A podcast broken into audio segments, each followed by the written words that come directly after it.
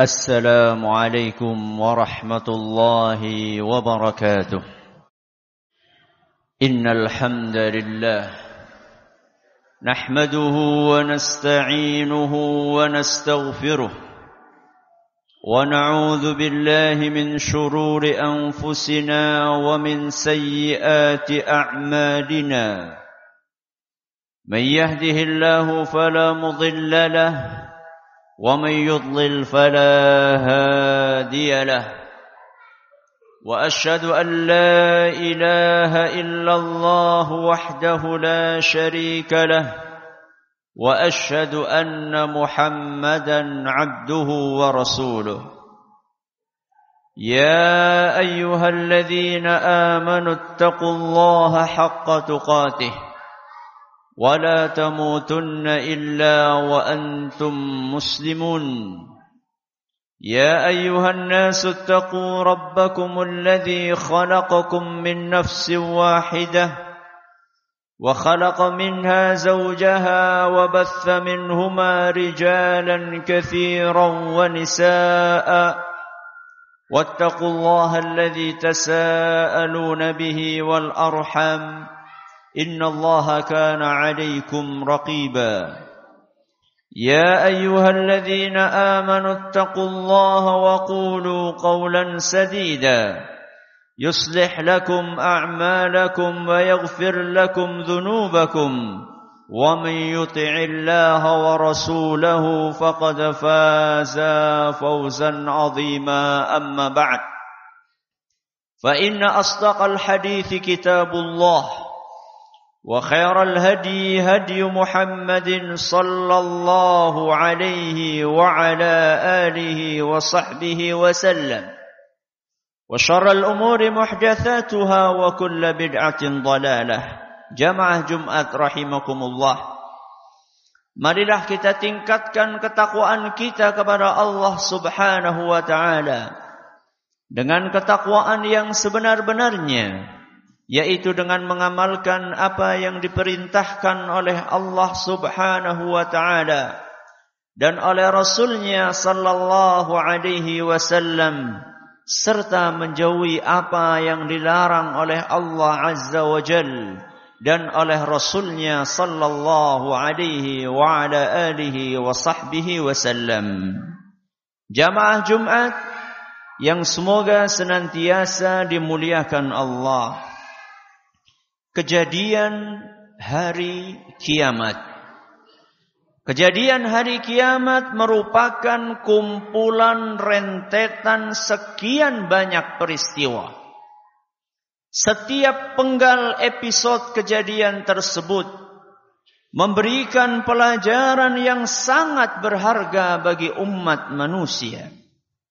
Di antara peristiwa dahsyat yang menorehkan pelajaran yang sangat mendalam adalah kejadian disembelihnya kematian. Sebuah kejadian yang membangkitkan bulu roma setiap insan dan mengusik tidur nyenyak orang-orang yang beriman. Setelah semua penghuni surga masuk ke dalam surga dan seluruh penghuni tetap neraka menempati tempatnya di neraka jahanam. Allah Subhanahu wa taala mendatangkan kematian. Kematian yang saat itu Allah tampilkan dalam bentuk seekor domba diletakkannya di suatu tempat antara surga dan neraka. Dalam sebuah hadis yang sahih yang dituturkan oleh Abu Sa'id Al-Khudri radhiyallahu anhu disebutkan bahwa Nabi sallallahu alaihi wasallam bersabda yu'ta bil mauti kahayati kabshin amlah fayunadi munadin. Pada hari kiamat kelak, kematian akan didatangkan dalam bentuk seekor kambing berbulu hitam putih. seorang penyeru berkata, "Ya ahlal jannah, fayashra'ibuna wa yanzurun." Wahai penghuni surga, maka mereka pun menengok dan melihat. Fayaqulu hal ta'rifuna hadha? Wahai para penghuni surga, tahukah kalian apa ini? Fayaquluna na'am hadzal maut wa kulluhum qad ra'ahu. Maka penghuni surga pun mengatakan, "Ya, kami tahu itu adalah kematian." Dan mereka semua melihat kematian tersebut. Thumma yunadi ya ahlan nar fayashra'ibuna wa yanzurun. Kemudian dipanggillah penghuni neraka. Wahai penghuni neraka, mereka semuanya menengok dan melihat. Fayaqulu hal ta'rifuna hadha? Tahukah kalian apa ini? Fayaquluna na'am hadzal maut wa kulluhum qad Dan mereka menjawab, "Ya, kami tahu itu adalah kematian." Fayudbah. Thumma yaqulu ya ahlal jannah khuludun fala maut wa ya ahlan nari khuludun fala maut. Kemudian setelah semua mata menuju kepada kematian, maka kematian pun disembelih. Kemudian dikatakan kepada penghuni surga, wahai penghuni surga, setelah kejadian ini kalian akan kekal di dalamnya. Dan dikatakan kepada penghuni neraka, wahai penghuni neraka, setelah hari ini kalian akan kekal di dalamnya. Hadis riwayat Bukhari dan Muslim. Kaum muslimin yang kami hormati. Di dalam hadis yang lain, Sayyiduna Rasulullah sallallahu alaihi wasallam menggambarkan apa perasaan yang dialami oleh para penghuni surga dan neraka ketika mereka dipanggil pertama kali. Apa gerangan perasaan penghuni neraka? Dan apa gerangan perasaan penghuni surga ketika mereka dipanggil pertama kali? Rasulullah sallallahu alaihi wasallam bercerita, "Fayattali'una khaifina wajilina an yukhraju."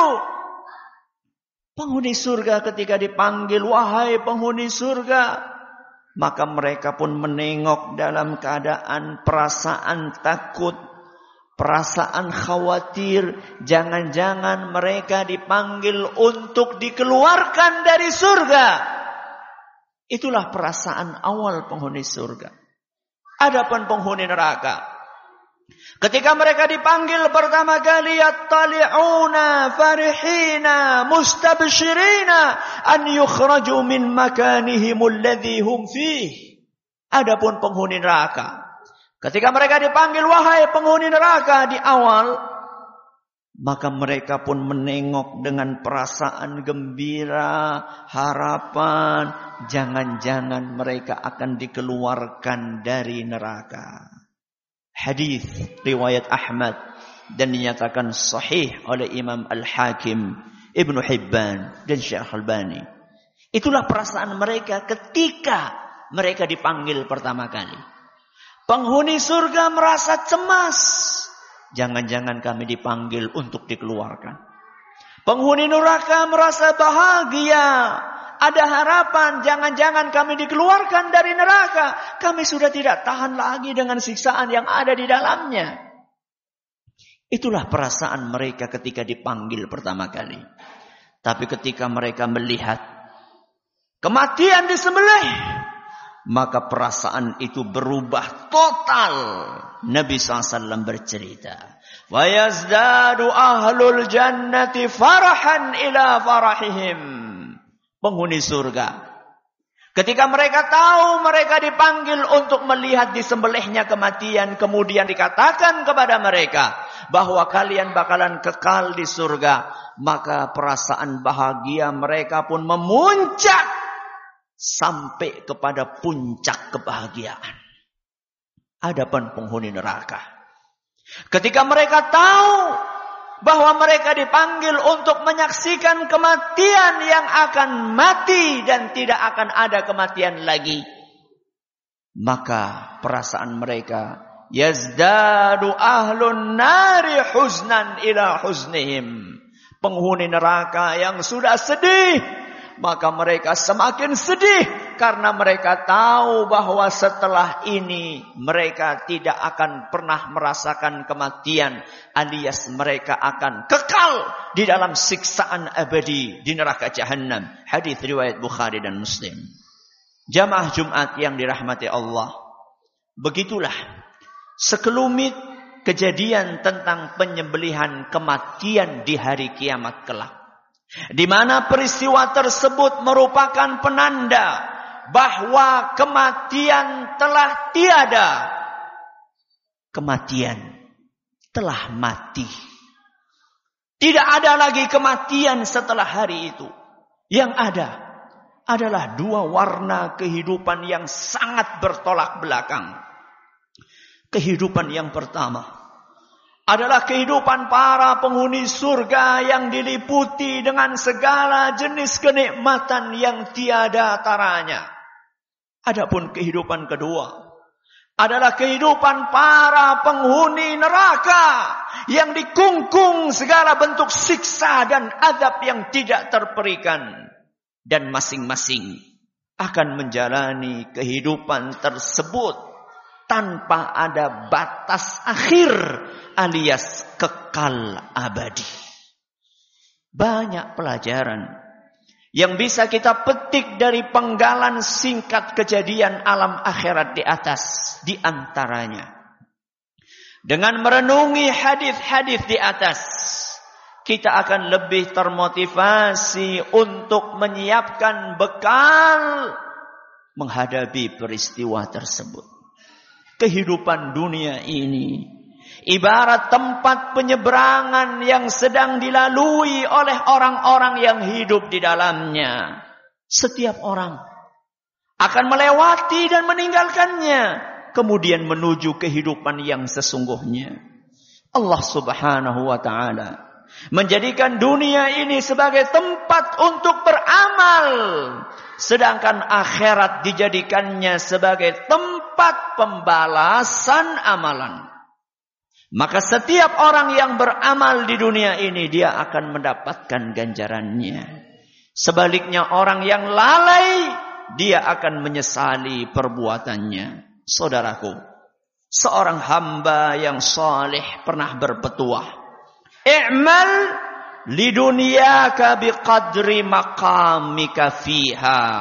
Wa'mal li akhiratika biqadri baqaika fiha. Bekerjalah untuk duniamu. Bekerjalah untuk duniamu sesuai dengan jatah waktu hidupmu di dalamnya dan beramallah untuk akhiratmu sesuai dengan jatah hidupmu di sana. Bekerjalah untuk dunia sesuai dengan jatah hidup kita di sini dan beramallah untuk akhirat sesuai dengan jatah hidup kita di alam sana. Mari kita renungkan. Berapa lama jatah hidup kita di dunia? 70 tahun, 80 tahun. Sedangkan berapa jatah kehidupan kita di akhirat? Al-Quranul Karim menegaskan bahwa manusia bukan seribu tahun di akhirat. Bukan satu juta tahun di akhirat. Bukan satu triliun tahun di akhirat. Khalidina fiha abada. Kehidupan kita di akhirat adalah kekal abadi selama-lamanya. Maka pantaskah kita pertaruhkan kehidupan kita yang abadi di akhirat kelak. Untuk meraih dan mengejar kesenangan dunia yang fana dan penuh dengan tipuan. Jadilah orang yang cerdas. Cerdas sesuai hadis Rasul sallallahu alaihi wasallam. Bukan orang yang cerdas berdasarkan pandangan para penghamba dunia yang sejatinya mereka sangat pendek pola pikirnya. Dalam sebuah hadis disebutkan al-kayyisu mandana nafsahu wa amila lima ba'dal maut. Orang yang cerdas. Dengarkan. Apa versi cerdas menurut manusia yang paling cerdas di muka bumi yaitu Nabi kita Muhammad SAW. Orang yang cerdas adalah orang yang senantiasa mengevaluasi amal perbuatannya dan beramal untuk kehidupan yang abadi setelah kematian. Hadis riwayat Tirmizi dan dinyatakan hasan oleh beliau. Aqulu qawli hadha wa astaghfirullah li wa lakum wa li jami'il إنه هو الغفور الرحيم. الحمد لله غافر الذنب وقابل التوب. شديد العقاب ذي الطول لا إله إلا هو إليه المصير. وأشهد أن لا إله إلا الله لا ند له سبحانه ولا شبيه ولا مثيل ولا نظير. وأشهد أن سيدنا محمدا عبده ورسوله البشير النذير والسراج المنير. صلى الله وسلم وبارك عليه وعلى آله وصحبه وكل تابع مستنير. Sidang Jumat yang kami hormati. Ketika kita renungkan khutbah pertama tadi kemudian kita lihat baik-baik jalan kehidupan banyak manusia di muka bumi ini. Niscaya mata kita akan terbelalak, terheran-heran. Betapa tidak proporsionalnya bekal kehidupan dunia mereka dibandingkan dengan bekal kehidupan akhirat mereka. Ada di antara mereka yang telah mempersiapkan bekal dunia yang cukup untuk tujuh turunan. Namun bekal akhiratnya boro-boro untuk keturunannya, untuk dirinya saja tidak cukup. Sudah saatnya kita mengakhiri kelalaian yang akut ini. Telah tiba masanya kita menyudahi kelengahan yang parah ini. Mari kita benahi akidah dan tauhid kita. Yang mungkin belum lurus dan sempurna. Bahkan barangkali masih terkotori dengan noda syirik, noda khurafat, noda bid'ah dan yang semisal dengannya. Mari kita terus tingkatkan pengetahuan agama kita. Pengetahuan agama kita dengan membaca, mendengar dan menelaah Al-Quran dan Sunnah Nabi Sallallahu Alaihi Wasallam di bawah bimbingan para ulama Rabbani. Mari kita perbaiki ibadah sholat lima waktu kita. Yang barangkali masih kerap kita jalankan bukan pada waktunya dan masih sangat jauh dari potret kekhusyukan. Mari kita teliti karunia anggota tubuh dan nikmat lain yang Allah berikan kepada kita. Apakah lebih sering untuk kita gunakan di jalan yang diridhoi oleh Allah atau justru sebaliknya nikmat Allah tersebut kita gunakan untuk berbuat maksiat kepadanya? Mata kita Telinga kita, tangan kita, kaki kita, kesehatan kita, harta kita dan segudang nikmat lainnya yang tidak terhitung. Marilah kita koreksi.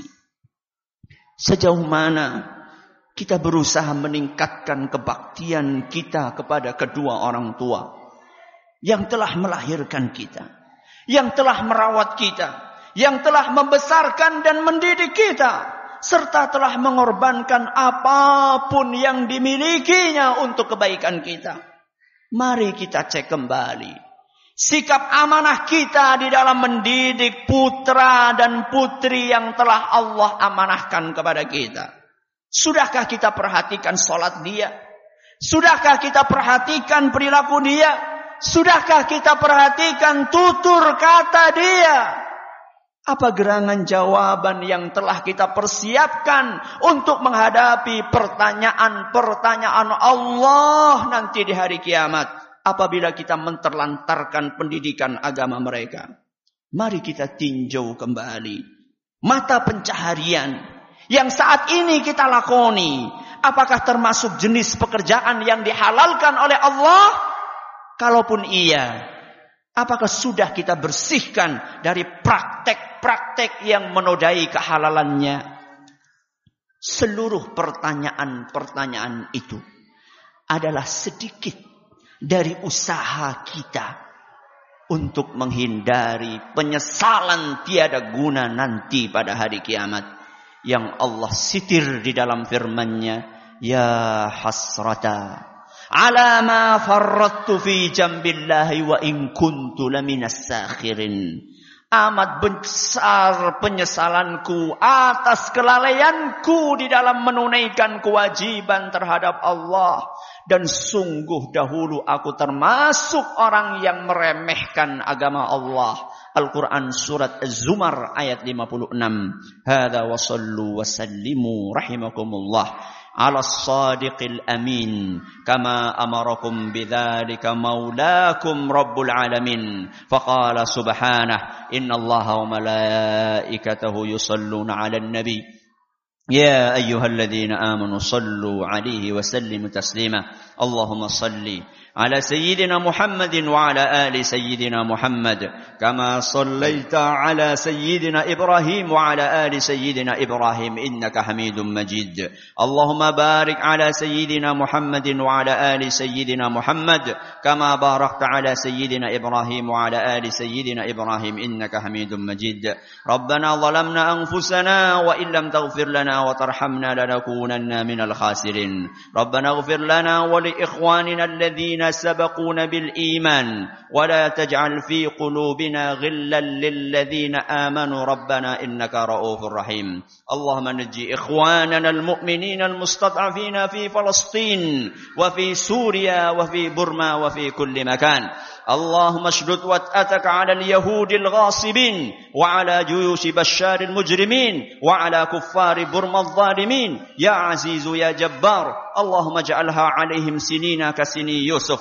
ربنا لا تزغ قلوبنا بعد إذ هديتنا وهب لنا من لدنك رحمة إنك أنت الوهاب. ربنا آتنا في الدنيا حسنة وفي الآخرة حسنة وقنا عذاب النار. وصلى الله على نبينا محمد وعلى آله وصحبه ومن تبعهم بإحسان إلى يوم الدين. وآخر دعوانا أن الحمد لله رب العالمين. أقم الصلاة.